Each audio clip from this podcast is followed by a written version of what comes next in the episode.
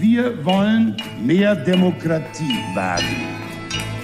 Heute sehen wir uns die CDU an, auch ein bisschen SPD und ein bisschen AfD, aber primär sehen wir uns die CDU, die CDU, die CDU.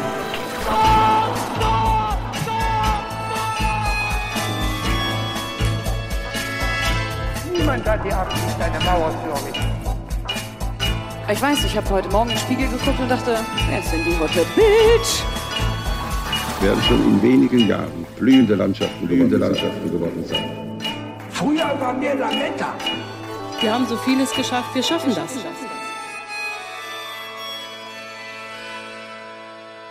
Velkommen til Tyskerne, episode 129, med meg, Kai Schwind. Ingrid måtte dessverre melde pass i dag. Og det hadde jo vært helt absurd å gå inn i et studio og snakke med meg selv, så heldigvis har jeg en gjest, nemlig tyske Maren Tanke, som står bak bloggen Neuschnee. Hallo, Maren. Hei, Kai. Hallo, hallo. Bloggen skal vi selvfølgelig prate om, eh, også om vårt, eh, eller et av våre favorittema, kulturforskjeller. Og siden dette her er en slags adventsforjulsepisode, så skal vi også prate litt om juletradisjoner og forholdet vi har til jul, kanskje. Og som alle gjester har du også tatt med deg eh, et ord, eller to til og med. Det kommer vi tilbake til. Men først må vi jo bli litt kjent med deg, så jeg tenkte å stille deg disse typiske expat-spørsmålene. Hvor i Tyskland er du fra? Når kom du hit? Og hvorfor kom du hit? Vær så god. Um, hva var første spørsmål? Hvor i Tyskland er du fra? Det var litt mye. Beklager, det var litt uelegant av meg.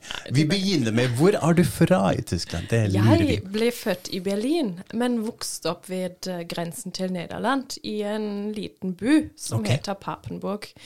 Det er sikkert ikke mange som har hørt om det, men uh, det spiller ingen rolle. Så flyttet jeg tilbake til Berlin da jeg var 19 år, og siden um, bodde i Berlin til jeg flyttet til Norge. Og jeg flyttet til Norge snart syv år siden Ok. På grunn av kjærlighet. Mm, ok. Man sier jo det er litt sånn klisjé. Det er to grunner. Kjærlighet eller jobb. Eller, eller jobb, ikke sant? For meg var det kjærlighet. Mhm, Ok. Skal vi begynne å, å se litt nærmere på det? Du, det? du bestemmer jo selv hvor privat du har lyst til å bli, men uh, du møtte da en nordmann. Nei. Eller i dag er han norsk, eh, har norsk statsborgerskap. Men da jeg møtte han, var han bare brasiliansk. Oi, ok. Um, jeg møtte han syv år siden, da jeg var på ferie i Norge, i Oslo. Um, og koste meg, og så plutselig var han der også. Um, og han er opprinnelig fra Brasil, men han har bodd i Norge nå, jeg tror det blir 14 eller 15 år. Ja. Og siden to år er han også norsk. Ok, og det er jo ganske spennende eh, å ha det perspektivet, ikke sant? Det er to utenfor perspektivet på Norge, faktisk. Ja. hvordan snakker dere sammen? Er det engelsk, eller? Vi snakker bare engelsk hjemme, eh, med sånn typisk norske ord. Vi for eksempel, vi bare sier T-bane. Ja. Vi skal ikke uh, 'taking the underground'. Nei, yeah. vi, vi skal ta uh, 'we are taking the T-bane', for eksempel. Ja, ja, det er sånn, ja, norske ord som kan ikke oversettes så enkelt til engelsk. Mhm. Bruker vi mange. Og så har vi uh, nå i juli har vi fått en hund, og da har det vært også veldig spennende hvilket språk skal vi snakke med hund. Men det er jo en norsk hund, så har vi bestemt oss å snakke norsk med hunden. Fantastisk. Jeg må ikke forvirre hunden, ellers må hunden lære seg engelsk først. Ja, eller sånn portugisisk og tysk og engelsk og norsk. Det blir helt uh, komplisert, så da er den lille hunden bare forvirret. Ja. Og det kan vi ikke ta ansvar for. Så det er en norsk hund som snakker norsk. Ok, veldig bra. Eh, vi skal se litt nærmere på en del av de områdene. Da har jeg veldig lyst til å prate med deg om jobbsituasjonen, selvfølgelig hva du gjør. Men først, det er jo litt morsomt. altså Fra Berlin til Oslo. Det er litt sånn omvendt av det mange nordmenn pleier å gjøre. ikke sant? Som er veldig sånn fascinert av ja. Berlin, og så kommer de, drar de dit. Og hvordan var det for deg å komme fra den gigantiske byen som vi også snakker så mye om her i podkasten hele tiden, til lille Oslo? Var det litt sånn kultursjokk? Um, jeg trivdes veldig i Oslo da jeg var på ferie her. Så for meg var det nesten Jeg hadde sånn lengsel etter noe, en mindre by. Jeg vokste jo opp uh, i en veldig liten by med sånn 30 000 innbyggere. Ikke så veldig liten i norsk, men i Tyskland var det lite sted. Og så de siste årene jeg bodde i Berlin, hadde jeg følelsen at det har blitt for mye for meg. Så jeg likte veldig godt at Oslo var mindre. Så det føltes helt riktig. Okay. Men um, så i dag, syv år etter det, så savner jeg Berlin ganske mye. Interessant. Når du sier for mye, mener du da avstander og at det er så stort, eller Ja, har det også at- noe med temperaturen i byen og Ah, Ja, takk at du sier det.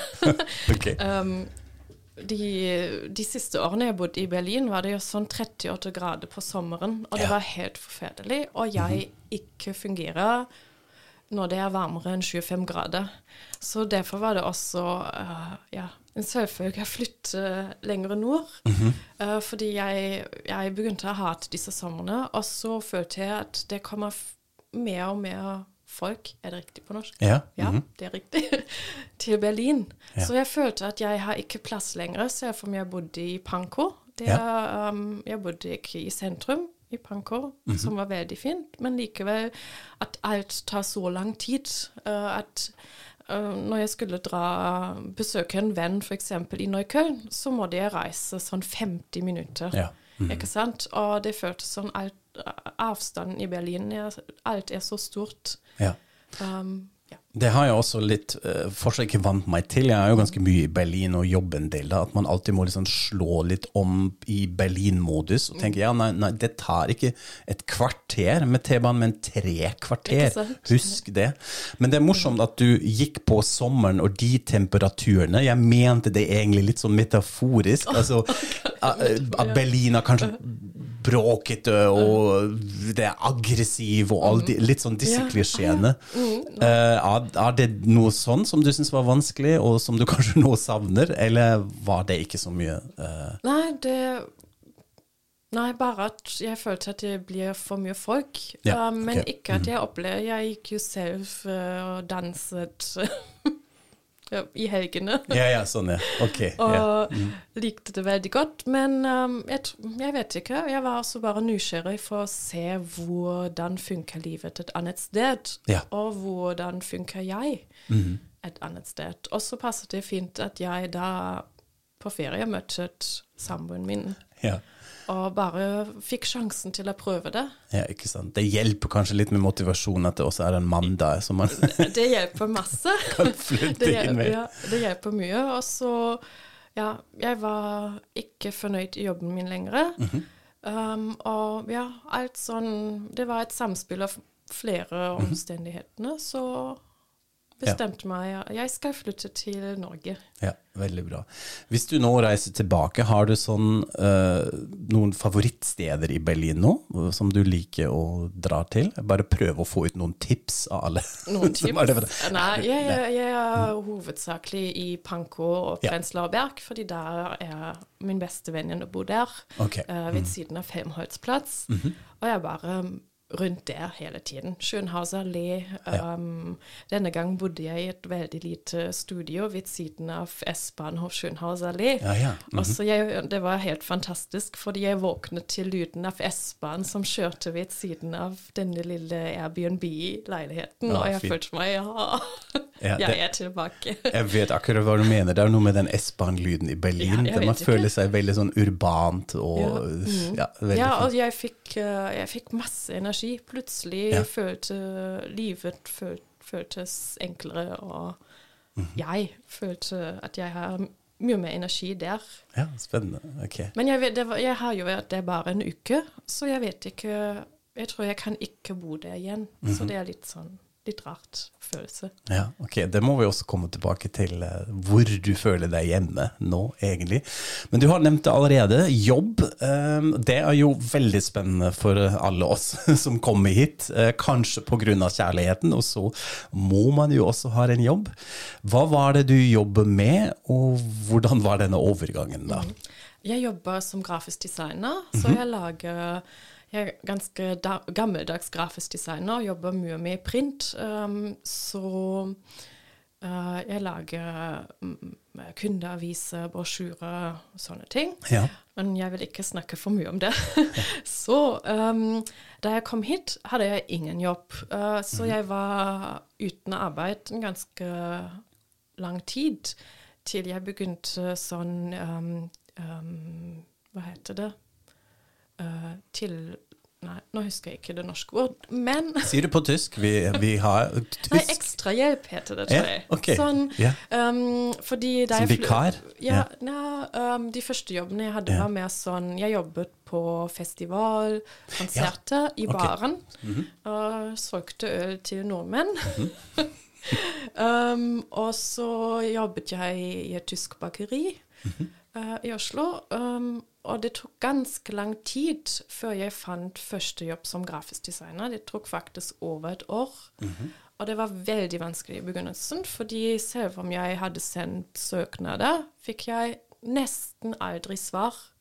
Ikke et eneste ord. Så jeg måtte ta kontakt igjen og spørre om de har fått eller mottatt søknaden. Ja. Og da hørte jeg ofte ja, men jeg um, ble aldri valgt videre Ja. i prosessen. Til uh, tilfeldigvis så søkte et uh, reklamebyrå en tysk grafisk designer.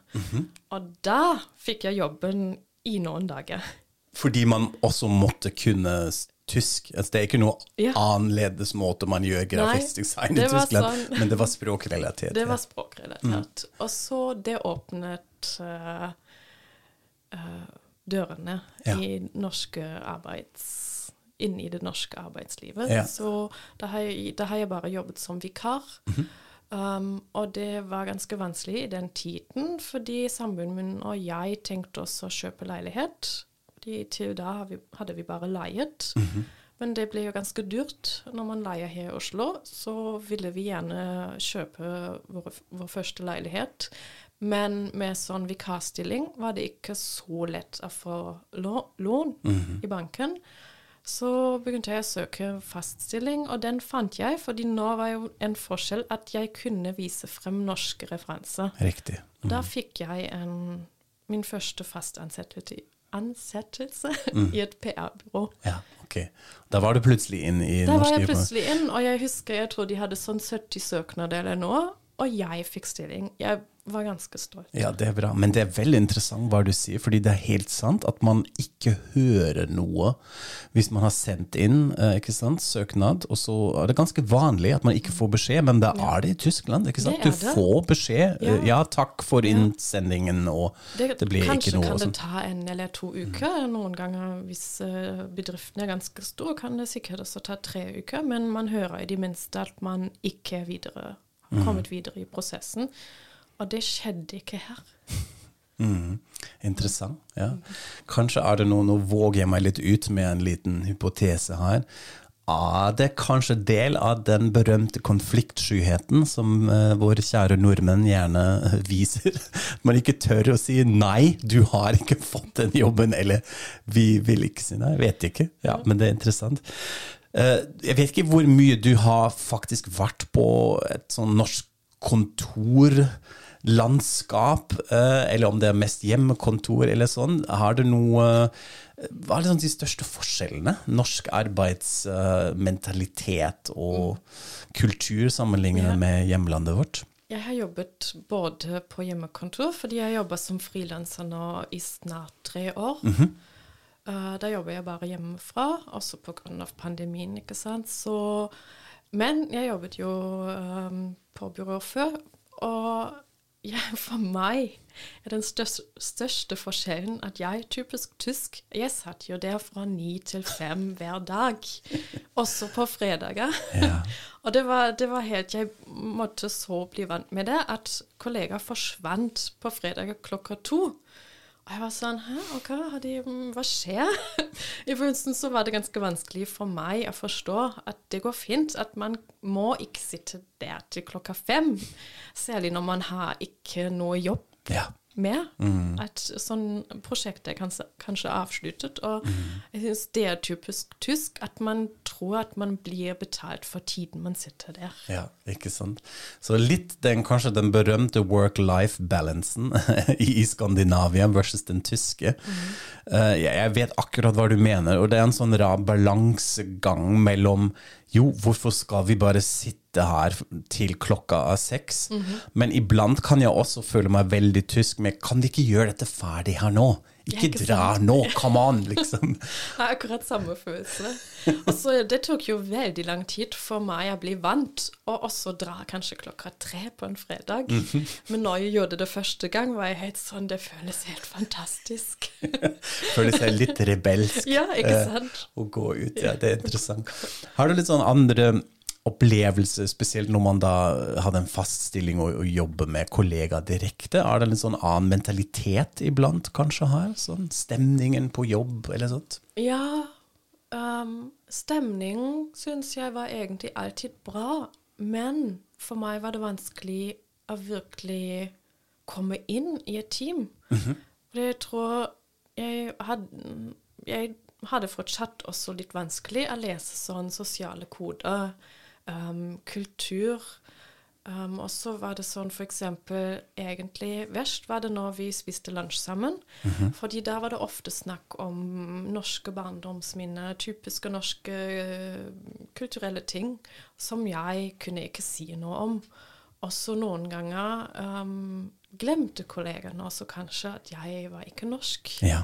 Så jeg var mens vi spiste lunsj, var jeg egentlig ofte ganske stille og bare spiste. Den stille tyske Den dama stille Den stille tyske dame ja, som sitter med oss. Ja. ja, det er interessant. Men vil du si at det på en måte henger litt sammen med språket òg? Altså at man lærer Du har jo også lært deg norsk ganske fort, ikke sant? Og da er man på en måte med. Altså på en måte, men som du sier, man mangler litt referansene Ja, iblant. eller, ja, det er referanse, eller også sånn at um, Særlig i begynnelsen um, Jeg vil si sånn på tysk har jeg alltid et svar klar og ganske direkte, men da jeg lærte norsk, var det ikke sånn. Så det var ganske Det var en stor forskjell, fordi jeg tror jeg ble også et annet menneske. Eller jeg er et annet menneske når jeg snakker norsk, enn jeg snakker tysk. Ja. Fordi jeg er ikke så slagferdig. Jeg vet ikke hva det heter på norsk. Mm, ikke jeg heller nå i farta. Veldig Men at godt. jeg, jeg har et, du har et spørsmål, og jeg har, kommer med et svar, Ja. eller en kommentar, ganske raskt. Ja, men det, jeg vet akkurat hva du mener, og det er jo litt absurd. Vi, har, vi møttes for en kaffe her før vi skulle inn til innspillingen, og vi skravler i vei på tysk, og nå slår vi om på en måte, ikke sant? Og nå føler jeg det selv, at jeg er litt annerledes, du er litt Du, ja, du er en annen Kai, jeg er en annen Maren. Men vi er, nå er vi norsk, norske Ja, ja, den norske versjonen, og det du beskriver, at man alltid henger litt etter. Ja. For meg er jo litt denne podkasten her også et litt sånn gigantisk eh, selvterapeutisk prosjekt, at jeg må tvinge meg til å høre meg selv med disse grammatiske feil og uttalelsesfeil som jeg fortsatt gjør, og akseptere det. Men iblant kan jeg bli også veldig litt sånn sur, fordi jeg tenker ja, det var ikke helt det jeg skulle si, og man henger litt etter nettopp Ja, med denne den- slagferdigheten, whatever det er på norsk. Um, det, jeg vet akkurat hva du mener, og det påvirker Man kan føle en viss frustrasjon rundt dette, Vel, sant? jeg var? Mm. veldig frustrert, um, og det hjelper ikke. Men så Jeg var jo ikke fra, Jeg var ikke rett å snakke norsk fra Ja. begynnelsen, fordi jeg tenkte nei, jeg må bare hoppe i vann. Kaldt vann. Mm. Ja. Sier man det på norsk også? Jeg vet Hoppe ikke. inn i det Man kalde vannet. det. Vi etablerer nå dette Ja. ordtaket her. Ins Så kalte Wasser springe. Mm. Jeg gjorde det bare og tenkte nei, jeg bryr meg ikke om det er feil, selv om jeg er sånn veldig sånn perfeksjonist, så Mm. jeg vil egentlig snakke helt korrekt, men jeg vet at det går ikke. Ja. Jeg, f- Ja, men sånn folk forstår jeg, hva jeg mener, Ja, så det er viktigst. Og det syns jeg også er veldig bra i Norge, egentlig. At jeg føler at man får Det er en høy toleranse da. Man blir akseptert Ja. inn. Mm. Kanskje også fordi norske dialekter er mer til stede i offentligheten og eh, generelt, altså også i mediene og sånn. ikke sant? Det er jo annerledes hos oss. Vi har jo denne Hochdeutsch Ja, hva skal man kalle det? Kravet, på en måte. Hvordan klarte du deg, eller klarer deg med norske dialekter? Funker, funker det? Ja, um, jeg, på den vikarjobben jeg hadde, så hadde jeg en sjef som kom eh, fra vestkysten, jeg tror, i nærheten av Bergen. Og jeg skjønte ingenting hva han sa. Jeg virkelig, jeg tenkte Hæ, så snakker han norsk, hva er det? Jeg forstår jo ingenting. Så det tok eh, kanskje et år til jeg ble vant til det. Og så jeg følte det var så flaut Ja. at jeg ikke skjønte hva han sa. Og det var jo jobbsammenheng, så jeg følte det er veldig viktig at jeg skjønner det. Men uh, i begynnelsen så må jeg bare tenkte jeg må spørre han igjen hva han egentlig mente. Det var litt flaut, men det gikk jo bra. Altså, jeg tror det, man må bare gjøre det. Ja, ikke Når jeg har ikke skjønt noe, så kan jeg spørre. Ja. Hva mener du egentlig? Det- Beklager. Det, akkurat som du sier, det hjelper ikke, man må jo utsette seg i det. Jeg har det iblant med studentene mine også, når noen har en veldig sånn litt crazy i mine ører, vestlanddialekter og sånn, hvor jeg også ok, må faktisk spørre uh, flere ganger, hva var det du sa nå? Så, sånn er det jo bare. Spennende. Men nå, Maren, må vi snakke om Neuschnee bloggen din. Fortell hva det er, hvordan kom du på ideen, hva er litt sånn filosofien bak det? Hva er Neuschnee? Neuschnee er en blogg eh, hvor jeg snakker om livet mitt i Norge. Jeg Snakker om følelser relatert eh, til hvordan det er å bo her. Og jeg, jeg jobber som grafisk designer, men jeg har alltid elsket å skrive. um, så, og så for meg hjelper det, det veldig å sånn sortere tankene mine. Og mm, når jeg er sur, trist, whatever, så hjelper det meg å skjønne hvordan det egentlig går med meg når jeg skriver. um, og tanken var at det finnes jo mange andre som kanskje har lyst til å bo i Norge, eller allerede bo her. Så jeg følte jeg ville dele mine tankene rundt å bo her i Norge som tysk eh, kvinne med andre. Um, og jeg tror jeg Filosofien Jeg har ikke bygget opp en filosofi rundt det, tror jeg. Det er bare Jeg bare for, vil fortelle om mitt liv her, mine erfaringer. Og kanskje hjelpe andre til og med, som har flyttet her akkurat og føler seg ensom, trist, savner eh, Tyskland, har hjemlengsel. Um, og det gjør jeg. Ja, og så er det jo samtidig, også på Instagram-kontoen din, hvis man går dit, er det jo en viss estetikk som du følger, eller uh, legge det rundt disse tankene som du egentlig nå beskrev som noe kanskje litt sånn tyngre og litt trist og melankolsk iblant. Altså, du er jo opptatt av det, men samtidig er det så utrolig vakkert. Des- Designet og Men det er jo bildene. det livet i Norge. Utrolig vakkert, men melankolsk. Ja, ikke sant? Da, da er vi kanskje midt i klisjeet, men også i den en, en slags Ja, jeg vet ikke om det er en slags clash, eller om det bare går hånd i hånd, dette der. Har du, um, har du et sånn estetisk konsept for dette, eller er det litt sånn tilfeldig? Um, jeg er jo grafisk designer, Ja, så jeg sant. tror jeg har sånn estetisk følelse for mange ting. Mhm. um, og for meg er det viktig at det ser fint ut. Men som du sa, så jeg prøver ikke bare å være positivt. Um, ikke ha sånn den idea, ideelle norske verden, alt er supert, jeg er happy uh, hele tiden.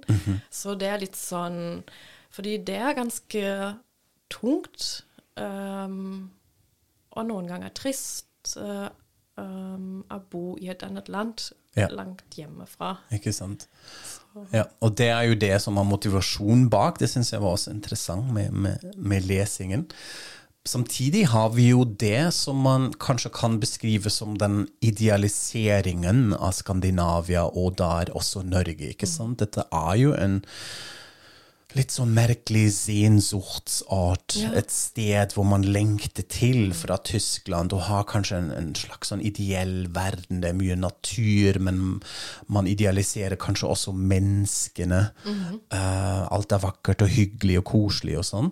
Føler du at du bidrar litt til det, eller prøver du egentlig å være litt subversiv ved å at du sier jo, man kan også være ensom og trist og sånn i det her?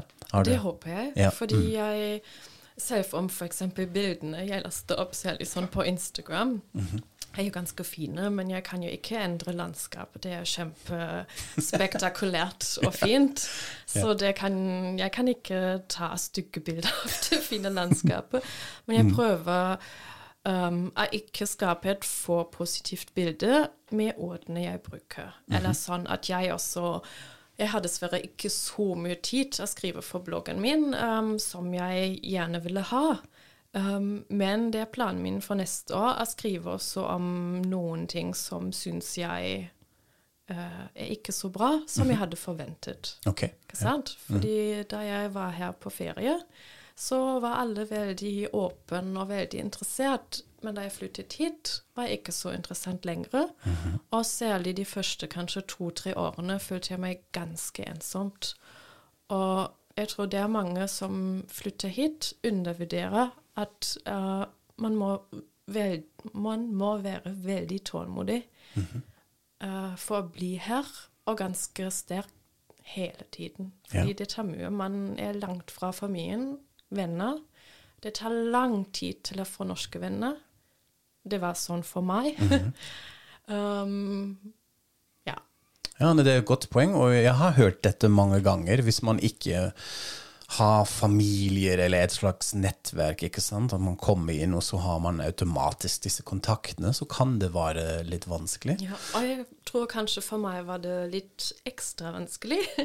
Fordi samboeren min jo, har jo også ikke familie her. Ja, Så vi har ingen familie her. Og jeg tror da kan det kanskje bli lettere når, man, når jeg hadde funnet Ville Nei, da vet jeg ikke hvordan er det på norsk. Når jeg hadde et norsk kjæreste, ikke Ja, sant. -hmm. ja. Da hadde han jo hatt familie her. Men vi begge to er utlendinger Mhm. og har ingen familie her. Ja, interessant. Har du, hva slags tilbakemeldinger får du fra, på bloggen, folk fra Tyskland kanskje og sånt? Eh, Får du noe av den idealiseringen der òg, eller hvordan? Ja, absolutt. Så ganske mange sier ja, du lever drømmen min. Og det for eksempel føler jeg alltid hmm, litt rart, fordi jeg, for meg føles det ikke som en drøm. Det er jo livet mitt, og det er både positivt og negativt, som overalt. Pluss at um, særlig sånn i koronapandemien fikk jeg mange henvendelser av folk i Tyskland som tenkte de bodde i et diktatur i Tyskland og ville flykte til Norge. Herregud, altså sånne kverdenker Ja. som vi også har Ja. om snakket om her i uh, podkasten. Folk som er kritisk mot koronatiltak, eller disse riksborgere Ja, som Vaksinemotstandere um, som jeg virkelig Jeg har fått rare, rare e-poster om at de syns at uh, det går helt feil vei med Tyskland, og de må flykte for å ikke ta vaksinen. Og så hadde de valgt ut Norge, uh, som kanskje, som du også sa før, som ideell verden, hvor alt er fint. Men, og da kom jeg til et tidspunkt hvor jeg tenkte mm, det er litt rart, fordi jeg tenker helt motsatt enn disse folkene. Uh, har jeg egentlig lyst til å skrive videre på bloggen min? Um, så jeg er litt, fortsatt litt i den sånn Jeg vet ikke. Uh, kanskje også når jeg begynner å skrive enda mer negativt om det. Da kanskje Snakke Norge ned, liksom. Nei, det vil, det vil jeg ikke, fordi det stemmer ikke. Men um, når, det, når man, jeg gjør det alt selv, så jeg må også uh, svare folk, og det, Ja. vet, jeg vet ofte ikke hva jeg skal si. Fordi jeg er egentlig Jeg tror at hvis de er ikke um, fornøyd i Tyskland og flytter hit, da ville de også ikke være fornøyd her, fordi de søker jo alltid den som, er, som har skjult. Og i Tyskland er det nå politikken, politikerne, at de har det ikke bra. Um, eller de tenker at de har det ikke bra. Og jeg tror det samme vil skje uh, når de hadde bodd i Norge. Ja. Da kunne de også Da hadde det vært også politikerne, kanskje, eller byråkratien, fordi den finnes jo også i Norge. Ja. Jeg syns det er en veldig smart eh, analyse, og kan tenke meg at det er ganske creepy e-poster. Og får også Veldig. tanken at man plutselig har lenka fra et sånn Reisburger forum. Ikke sant? Ikke sant, tenk på det, og det var jo ikke at det skjer. Og derfor er jeg litt sånn, ja, litt sånn, hva skal jeg gjøre?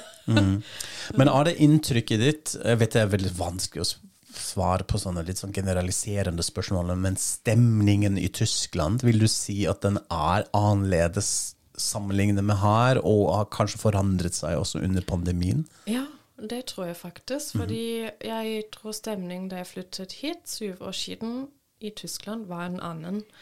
Um, det siste gang jeg var i Berlin, var nå noen uker siden, og jeg føler at um, øh, Ikke alle, jeg snakker ikke om alle, men flere og flere i Tyskland uh, ja, blir utålmodig, sur, um, stoler ikke på hverandre.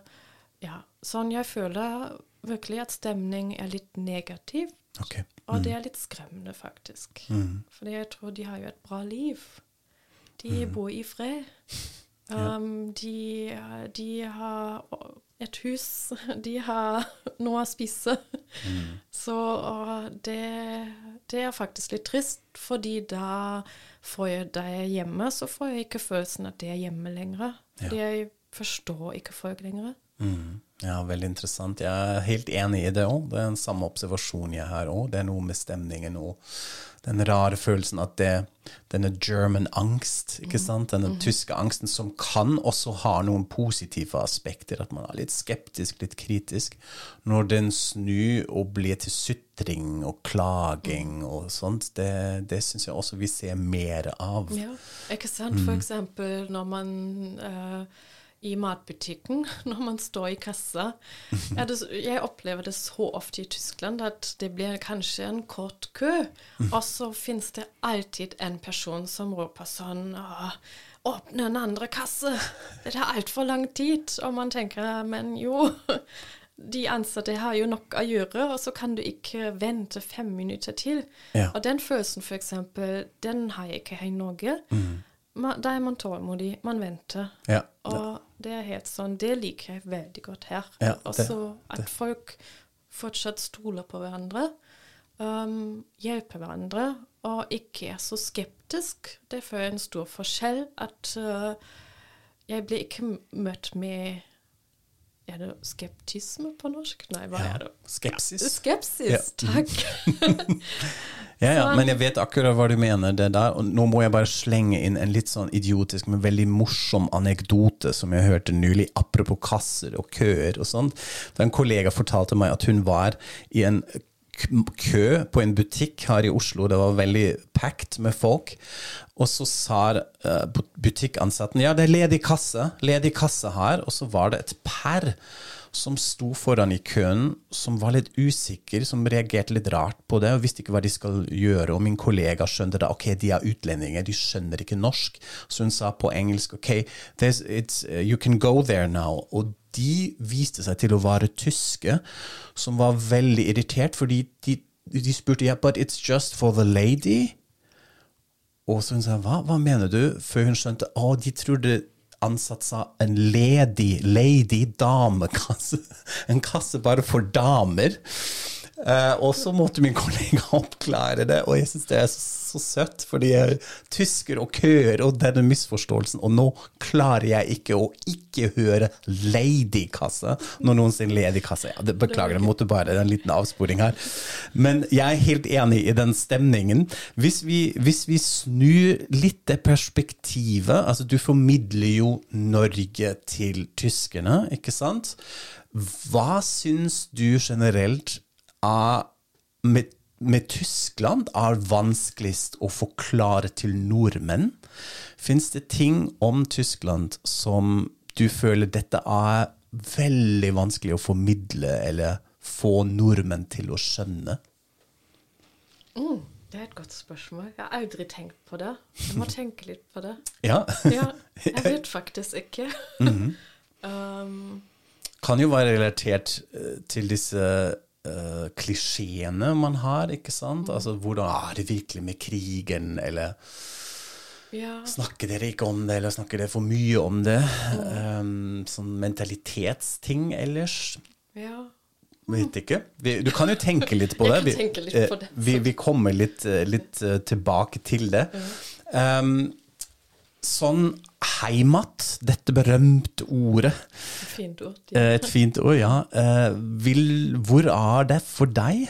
Er det et riktig spørsmål, et teit spørsmål? Tenker du i disse banene? Ja, hvor er det, jeg heimat litt? tenker mye på det. Jeg syns det er et veldig interessant spørsmål, fordi jeg vet ikke hvor heimat er akkurat nå. Jeg har jo bodd her syv år. Jeg sa det ganske ofte nå, men syv år. Og jeg føler Jeg er sånn Ja. eh, Jeg sier jo ofte at sjela min er fortsatt i Berlin. Og sånn føles det. Um, men, eller den flyr rundt sånn mellom Oslo og Berlin, og har ikke landet ennå. um, jeg, jeg bor jo her, og det føles, når jeg kommer tilbake, føles det alltid veldig bra å komme tilbake til Oslo. Men jeg savner Berlin så jævla mye. Så det um, Og jeg har tenkt uh, Jeg tenker så mye på det. Og hvis jeg hadde flyttet tilbake til Tyskland, tror jeg ville det også ha vært et kultursjokk igjen. Så det føles litt rart at man er sånn mellom to land og vet egentlig ikke hvor heimat er. Ja. Så, men uh, det var også en gang på Instagram jeg sa jeg har nå to heimat, ikke sant? Jeg har heimat her, og jeg har heimat i Tyskland. Og det syns jeg er en ganske fin tanke. Da må jeg ikke velge. Nei, ikke sant. Akkurat, eh, eller ikke akkurat det samme, men en, en litt sånn lignende reise som jeg føler jeg også har hatt. At man føler seg litt mellom stolene og føler man må velge, men etter hvert kanskje også en slags aksept at ja, vi har begge steder. Eh, I tillegg litt sånn dette klisjeet med 'home is where the heart is'. ikke sant? Eh, Det kan jo også være begge steder. Men det stemmer jo, det er en klisjé, men en ganske fin klisjé. ja, ikke sant? Det, det er bra. Så er det litt av en prosess, og kanskje også en ganske privilegert posisjon eh, at, som vi har. ikke sant? Vi bor i to land på en måte som har det bra for det meste. sant? eh, Ja. Og eh, ja, som du sa, det er ikke krig eh, og alt det der. Så. Men et interessant spørsmål som bestandig utvikles, kanskje. Så det må vi kanskje spørre deg om noen år igjen. Gjerne. Eh, vi legger denne episoden jo her nå eh, ut på en adventssøndag. Eh, det er ikke lenge til jul, så jeg tenkte vi må jo snakke litt eh, jul her òg. Hvordan er det, skal du feire jul i Norge, eller skal du reise hjem? Hvordan blir det i år? Jeg, elsker jul i Norge. Ja, ok. Ja. Mhm. Så jeg og samboeren min og hunden, vi feirer jul uh, i Norge, i Oslo, i vår leilighet. Um, og det har vi gjort nå, jeg tror de siste to eller tre årene. Og det er kjempekoselig. um, det, da blir det ikke noe sånn reisestress. Og vi, har, vi tar alt med ro. Og vi skal ja, feire jul hjemme, men det har nå vært blitt en tradisjon at vi skal reise på hytta en uke før jul. Okay, yeah. Så vi har leid en hytte på Norefjell og skal nyte snøen og vinter, skikkelig vinter, en uke. Ja. Og så kommer vi tilbake og feirer jul. Så bra.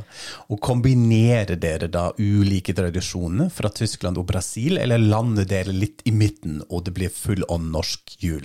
Nei, det blir ikke full norsk jul fordi Og um, jeg liker ikke norsk julemat. Mm, ok, det må vi snakke litt om, fordi jeg skulle spørre deg, er du team pinnekjøtt eller team ribbe? Vi har Team Tilbehør.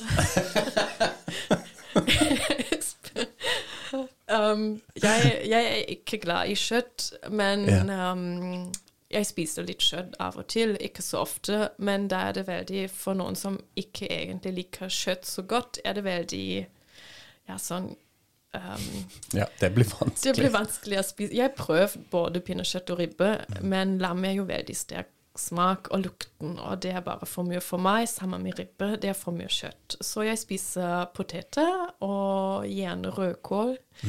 Ja. Eh, og det er også det vi lager på julaften hjemme hos oss. Ok. Rødkål med semmelknødel. Ja.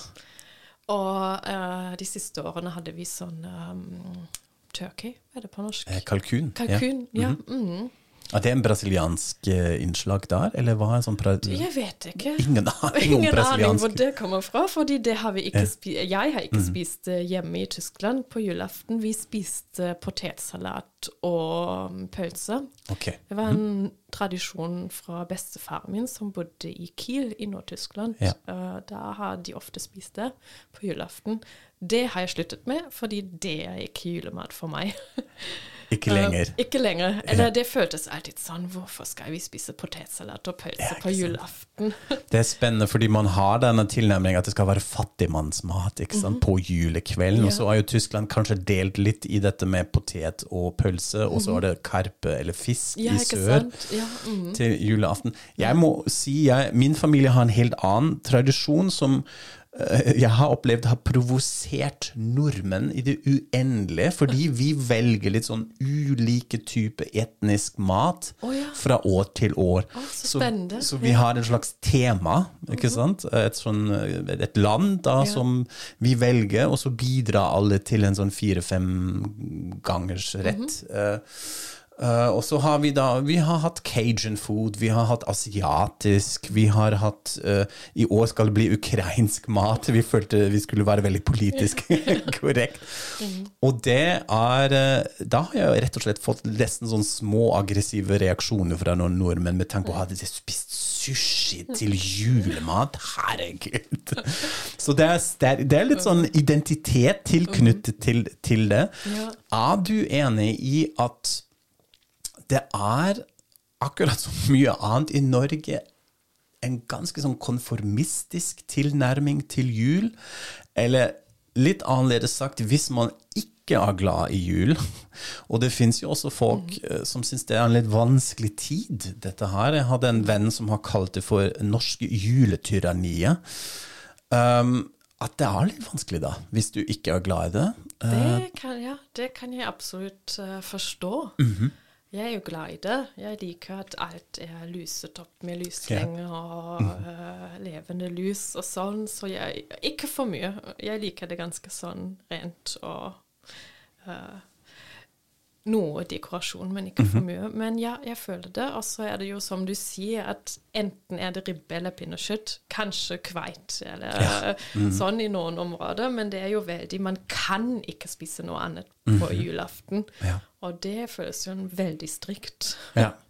Det er kanskje litt sånn symptomatisk også for en annen sånn litt større forskjell mellom våre eh, land. Jeg skal ikke liksom gå for langt inn i dette her nå, men at det er jo litt kon mer konformistisk her. Det fins flere muligheter å leve livet, eller kanskje også ulike identiteter i, i hjemlandet vårt, vil jeg si, på noen områder. Selv om det er i utgangspunktet inkluderende og koselig her. Men eh, ja, som du sa, det tar lang tid kanskje å komme seg inn i norske kontekster, sosiale norske kontekster, hvis du ikke har en familiær tilknytning. Og da uh, kan det bli litt vanskelig. Så det, Ja, ja. det var vanskelig. Mm. Sånn.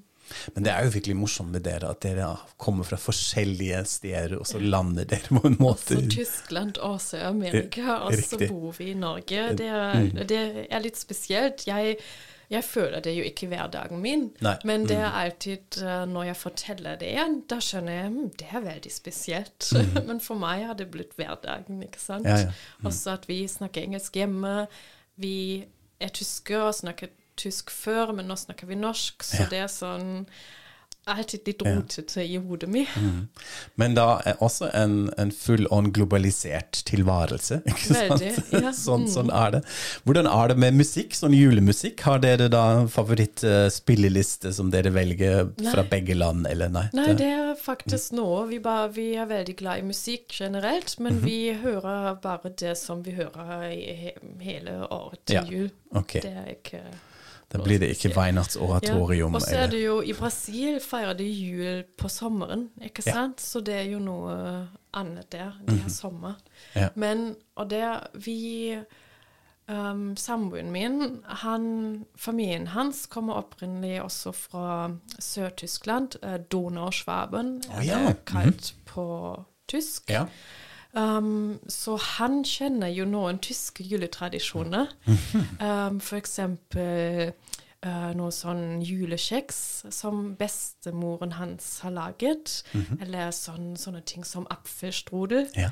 uh, som er ikke spesielt julemat, men han lager det alltid som dessert for oss Ok. i jul. Ja, så gøy. Så vi lager sånn våre egne tradisjoner fra ja, fra Treland, egentlig. Ja, Sånn, så bra. ja. Nå har jeg lyst til å feire jul med dere. Kan, kan jeg invitere meg? Absolutt! Ja, det hadde vært så hyggelig, fordi det blir ganske ensomt når man er bare to pluss en liten hund. Dere har en hund, Det, vi har en hund. Veldig bra. Ja.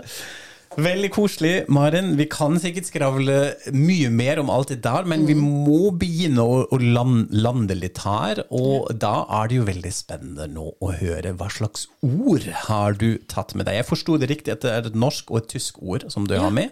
Det, ja, Skal vi begynne med det norske ordet? Hva er det det? Jeg har tatt med det norske ordet du, dugnad. Ja, dugnad. Ok. Dugnad. Um, Spennende. Ja, fordi for meg er jeg Det var et ord som jeg aldri har hørt om før jeg flyttet hit, og jeg liker veldig ideen bak det. Litt sånn romantiske, naive følelser for det, kanskje. um, sånn, det er kanskje sånn, ja, ideell norsk ord at um, ideen bak det, at man møter for å jobbe frivillig og ulønnet um, sammen, og skal, sammen for fellesskapet. Jeg liker ideen bak det. Jeg vet jo at det er ikke alltid sånn. Fordi når man bor f.eks. i et borettslag, og det er sånn dugnad på våren, og det er jo ikke alle som møter opp. Ja, riktig. Det har jeg opplevd, men jeg er alltid med, fordi jeg som sagt, jeg liker ideen. Jeg liker um, stemningen der. Jeg syns det er så bra at man f.eks. rydder borettslag til 17. mai, og gjør det sammen. Ja. Mhm. Det skjønner jeg. Ja. Og så har vi jo ikke et tysk Jeg har prøvd å tenke nå, hvordan oversetter man egentlig dugnad på tysk? Det er jo det, vi, vi, vi har ikke et ord. Nei, ikke sant? Vi har ikke et ord for det. Det fins ikke. Jeg vet ikke sånn Jeg vet at f.eks. i Sør-Tyskland har jeg hørt, jeg har ikke opplevd det selv, at uh, noen sånn har um, Når de bor i et hus med mange leiligheter, at f.eks. de må rydde gangen, ikke sant? Eller vaske gangen. At Ja. de bytter. Men det er jo fortsatt ikke det samme, fordi da bytter de fra leilighet til leilighet hver uke. De gjør det ikke sammen. Ja. Så jeg tror det fins ikke i Tyskland. Det er veldig interessant, selv om jeg har hørt en norsk eh, journalist beskrive etterkrigstiden i Tyskland som en gigantisk dugnad. ikke sant? Tyskland bygde landet opp selv på nytt. Men vi hadde kanskje ikke selv valgt akkurat den tilnærmingen med det Nei. ordet, sånn, så det er veldig ja, spennende. Nei, ikke sant? Interessant. Ja, jeg syns også det er eh, noe jeg måtte venne meg til, fordi akkurat som du syns det var veldig sympatisk. Det er noe sånn litt sånn fra gamle dager, litt sånn sosialisme, ikke sant? sant, Eh, ja. Men også et slags press, kanskje. Jeg har også Mhm. vært en av de som har skulket en, en dugnad iblant. Jeg outer meg her. Eh, men men det, er jo, det er jo, utgangspunkt uh, sympatisk, det er jeg helt eh, enig med. Det Det syns jeg. Mm. Jeg liker det. veldig fint. Kult! Veldig bra ord. Også, Mhm. men det syns jeg det er også typisk norsk. Hva jeg virkelig liker Hvis du ikke møter til dugnad, så går det helt greit. det er akseptert. Og man blir ikke spurt hvorfor. Blir ikke og jeg føler sånn, det er sånn typisk tysk. Derfor Det vært tysk, ja. jeg måtte hadde sendt en sånn melding til styrelederen hvorfor jeg kan ikke bidra i dugnad. Ja, helst via sånn- faks og Ja, i et sånn fax. skjema. I en skjema. Kanskje min legeerklæring, vet ikke. Men her er det sånn helt akseptert. Ja, du kan ikke, da kan du ikke. Ja. Og det liker jeg veldig. Veldig bra. Det finnes ikke dugnadsshaming i Norge, det er riktig. Ja. Ok, nå er jeg spent. Tyskordet ditt, hva er det? Ja, det? passer kanskje litt til bloggen min igjen, fordi jeg har valgt tyskordet weltschmerz. Yes! Oh, Eh, ja. ja. Kanskje litt melankolsk og trist og i den fine juletiden, men for meg er det en ord som jeg tror ikke fins på norsk. Mm Verdens Smerte. Smerte ja, og lide av verden. Ja. mhm. Og jeg føler det er et tysk ord som passer så fint til tiden vi lever i. Jeg føler det hver dag. Um, jeg er litt uh, jeg, jeg forstår ikke hva skjer i verden. Jeg forstår ikke hva som skjer i Tyskland. Uh, ja, det finnes så mange ting som jeg forstår ikke lenger, og jeg har tenkt lenge på det, hva jeg egentlig føler, og så jeg føler veltsmerts. Ja. Ja. Det er veldig interessant at du sier det, fordi jeg har jo sett i bloggen din at dette er et ord som dukker opp flere ganger. Ja. ikke sant? Du snakker om weltschmerz feelings, og du snakker når jeg skal bake noe mot weltschmerz og sånn. Og det er jo på en måte, som du sier, en sånn, en sånn germanisme, tror jeg man kaller det. altså Et sånn tysk ord, litt som schadenfreude, og sånn, Ja. som andre språk har adoptert, som man bruker. Og så er det litt sånn stor filosofi og sånn, ikke sant? Jeg tror det er et begrep fra romantikken, eh, Jean-Paul og sånn, som beskriver nettopp det, en sånn Ja. melankoli. Jeg har også, det finnes en em, beskrivelse fra Thomas Mann som heter noe som, uh, hva var dette, um, livs, livsvemodighet, levensvemot. Mhm. Det er jo i samme sånn stemningområde. Ja, så det er veldig interessant, for de her, her forener du litt den store tyske filosofiske tilnærmingen med en sånn Ja, å være oppgitt over kanskje Det er veldig bra hva du sa, jeg forstår ikke verden alltid. Det er veldig fascinerende. Det kan jeg også være, være enig i, spesielt hvis man ser på nyhetene og sånn. Men det er også kanskje noe du opplevde når du kom hit, og var mye alene også. Jeg vet Ikke ikke. Hadde du Ja. mer weltschmerz der enn nå, eller har det litt sånn Nei. samme nivå? Jeg hadde, jeg hadde mer nå. Ja, ok. Um, Jeg tror da jeg, da jeg flyttet hit, da følte jeg mer sånn ensomhet. Det var ikke veltsmerts, fordi da, da skjønte jeg fortsatt hva som skjer i verden. Men det har jo endret seg de, de siste årene. Ja, ikke sant? At man også har et slags sånn empati mot kloden og verden og alt Ja. det som skjer, og Ja. ikke helt henge med lenger. Ja. Veldig bra. Kult for en, for en bredd, tematisk bredde her med, med disse ordene. Du, utrolig hyggelig. Uh, siste spørsmål, kanskje. Hva slags planer har du med Neuschnee? Det er et interessant spørsmål, fordi som jeg sa, jeg var litt sånn usikker om jeg skal eh, skrive videre på bloggen min, fordi jeg vil jo ikke at de folk som Jeg tenker ikke som meg, um, får tips. Um, Men som jeg tror, fordi jeg elsker å skrive, og jeg elsker å skrive om livet mitt her i Norge, så jeg skal videreføre det. Og så planen min er f.eks. Um, fokusere litt mer på reising på Oslo. Jeg har planen om å gi ut en eh, reisefører Ja. -hmm. om Oslo, Oslo Guide, eh, nå neste vår. Um, og fokusere kanskje også litt mer på det. Ja. Fordi jeg, det er jo alt Jeg tjener ikke penger med bloggen. Um, alt er frivillig. um, men det er jo gøy, og så skal jeg prøve å, ja, å fokusere litt mer på det ved siden av grafisk design. Ja, veldig bra. Og vi kan anbefale Neuschnee for alle som leser tysk. Dette er jo kanskje litt interessant for alle de tyskelevene og tysklærere som følger oss.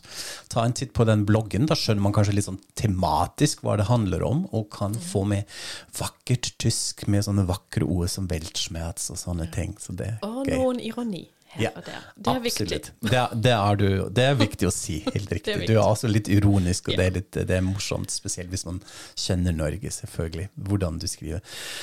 Veldig hyggelig å ha deg på besøk, eh, Maren. Tusen takk at du var med. Vi runder av. Følg oss på Facebook og Instagram. Vi har ikke en blogg ennå, men vi har Facebook og Instagram. Eh, og også tusen takk til alle som støtter oss på Patrion. Så ha en fin adventstid, og auf Wiederhören.